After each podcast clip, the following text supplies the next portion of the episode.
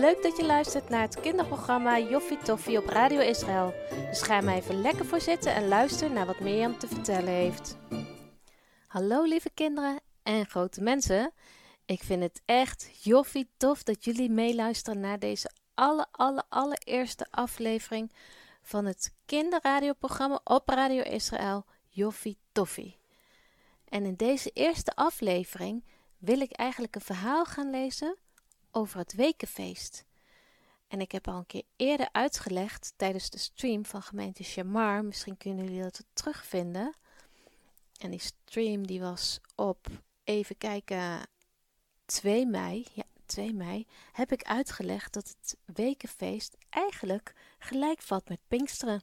En jullie weten allemaal dat het bijna Pinkstervakantie is. Vrije dag. En daarom ga ik nu het verhaal lezen over het wekenfeest Shavuot. En het gaat over Rivka en Lissy. En het komt uit het boek Wij vieren feest, geschreven door Evert en Tineke van Balen. In de Bijbel, in Deuteronomium 16, vers 10 staat: Daarna moet u het wekenfeest houden voor de Heere uw God. Wat u geven moet is een vrijwillige gave van uw hand, naar de mate waarin de Heere uw God u zegent. En het wekenfeest is eigenlijk een feest van dankbaarheid. En een feest waarin wij van alle zegeningen die wij van God gekregen hebben, bijvoorbeeld dat we eten kunnen en dat we een dak boven ons hoofd hebben, dat we een plek hebben om te slapen, dat we van die zegeningen ook weer uit mogen delen en daarmee onze dankbaarheid aan God laten zien. Lissy, kom je eten? Pap moet zo aan het werk. Lissy komt binnen huppelen. Ze is net uit bed, maar zoals altijd is ze in een vrolijk humeur. Kan ik u nog ergens mee helpen, mam? Terwijl papa aan de tafel zit, helpt Lizzie haar moeder met tafeldekken.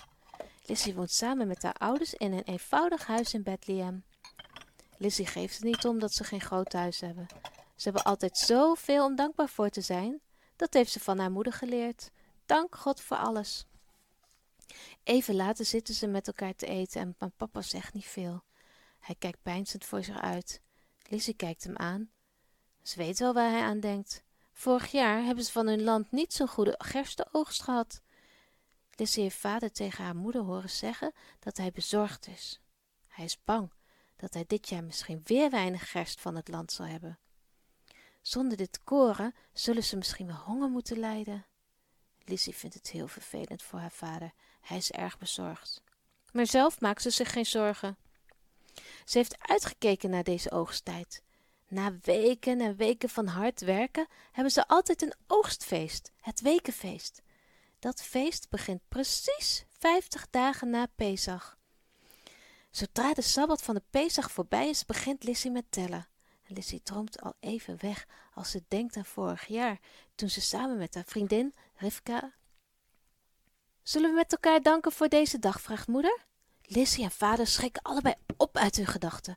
Vader stoot daarbij zijn mok water om en Lissy krijgt de volle laag. Lissy trekt daarbij zo'n gek gezicht dat moeder in de lach schiet.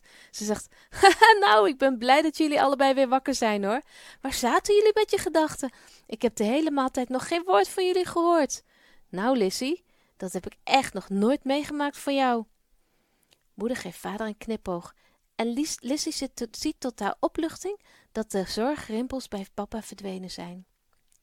Jij hebt gelijk, antwoordt vader. Ik was even met mijn gedachten bij mijn werk. Maar laten we danken voor deze mooie nieuwe dag. Terwijl vader naar zijn werk gaat, helpt Lissy moeder met allerlei klusjes. Er is altijd zoveel te doen: het huis uit aanvegen, brood bakken, kleding wassen. Maar Lissy heeft er geen hekel aan hoor. Ze vindt het wel gezellig. Tijdens het werk staat haar mond bijna niet stil. Ze kletst honderd uit tegen haar moeder. Dan opeens is Lissy een tijdje stil. Ze denkt diep na. Mam, begint Lissy voorzichtig. Pap maakt zich erg zorgen hè, over de oogst. Ja, lieverd, vorig jaar was het maar net genoeg voor het hele jaar en nu staat het gerst er ook niet veel beter bij. Maar misschien is het nog wel goed dat ik je iets meer uitleg hierover. Je bent zo groot nu. Mam gaat zitten en vraagt Lissy om ook te gaan zitten. Heel, heel lang geleden, toen jij nog niet geboren was, is er hier in Bethlehem een hele grote hongersnood geweest. Het was een hele moeilijke tijd voor ons allemaal. Niemand verwacht dat hier, notabene in Bethlehem. Moeder stopt even met vertellen. Je weet wel wat Bethlehem betekent, toch, Lizzie?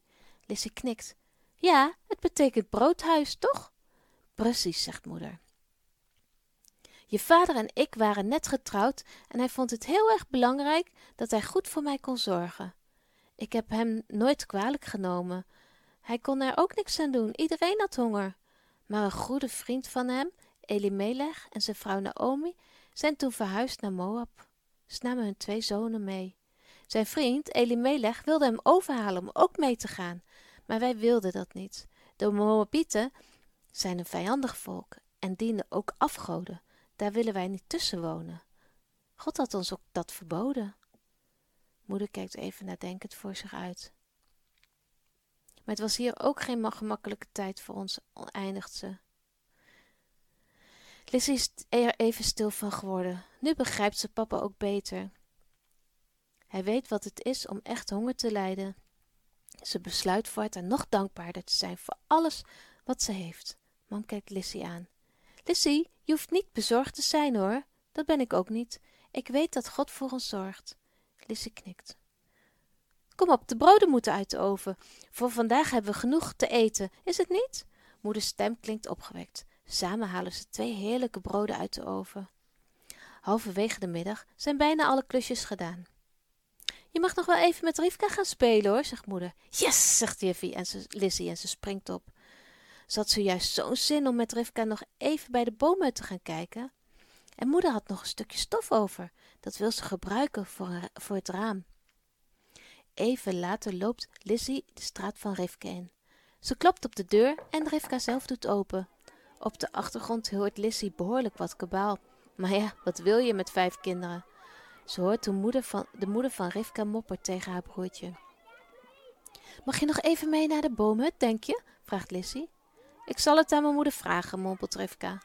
Jongen, dat klinkt ook niet enthousiast, denkt Lizzie. Ze begrijpt het wel.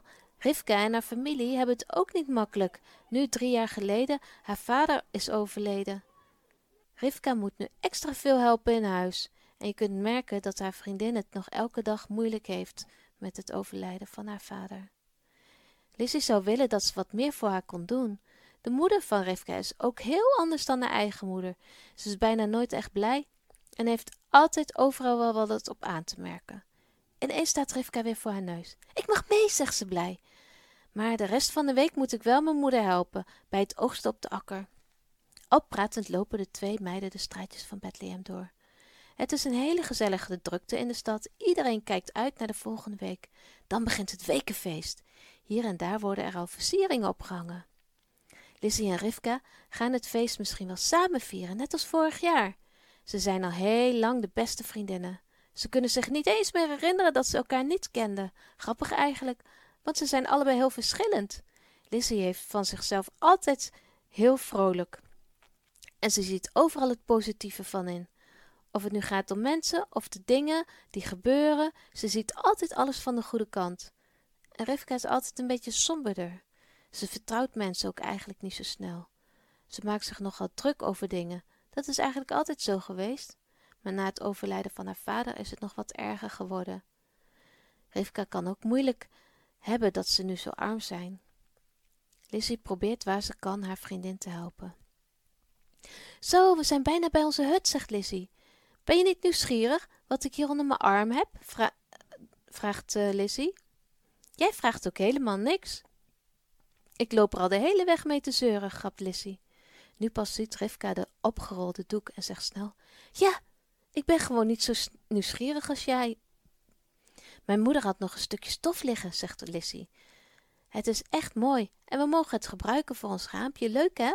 Dan wordt onze hut nog gezelliger. Rivka knikt. Het lijkt daar inderdaad wel leuk. Even later zijn de meiden druk bezig om het stuk stof op de een of andere manier aan de boomhut vast te maken. Rivka is gelukkig heel handig in zulke dingen. Lizzie heeft wel leuke plannen, maar Rivka weet altijd beter hoe je ze uit moet voeren. De boomhut is echt hun plekje. Niemand anders mag er komen. Hier zitten ze regelmatig te praten over van alles en nog wat. En ze kunnen vanaf hier ook heel goed de hoofdstraat in de gaten houden. Dat is ideaal, want er valt altijd wel wat te zien en te beleven. Het gordijntje hangt nog maar net op zijn plek of ze merken dat er wat aan de hand is in de straat. Dat kun je horen aan de stemmen op straat die ineens heel stuk harder klinken. Rivka en Lissy steken hun nek uit om goed te kunnen kijken. Ze zien een oude mevrouw en achter haar loopt een wat jongere vrouw. De jonge vrouw lijkt niet echt een Israëliet aan haar huid en haar kleding te zien. De oude vrouw wordt dus heel veel mensen tegengehouden. Sommige mensen omhelzen haar, anderen roepen naar haar. Wie zou dat zijn? vraagt Rivka. Ik heb nog nooit zo'n vrouw gezien. Lizzie kijkt nog eens goed naar de jonge vrouw. Wat een mooie vrouw. Lizzie weet niet waarom ze naar haar blijft kijken. Het is niet alleen dat ze een mooie vrouw is, maar ze straalt iets bijzonders uit.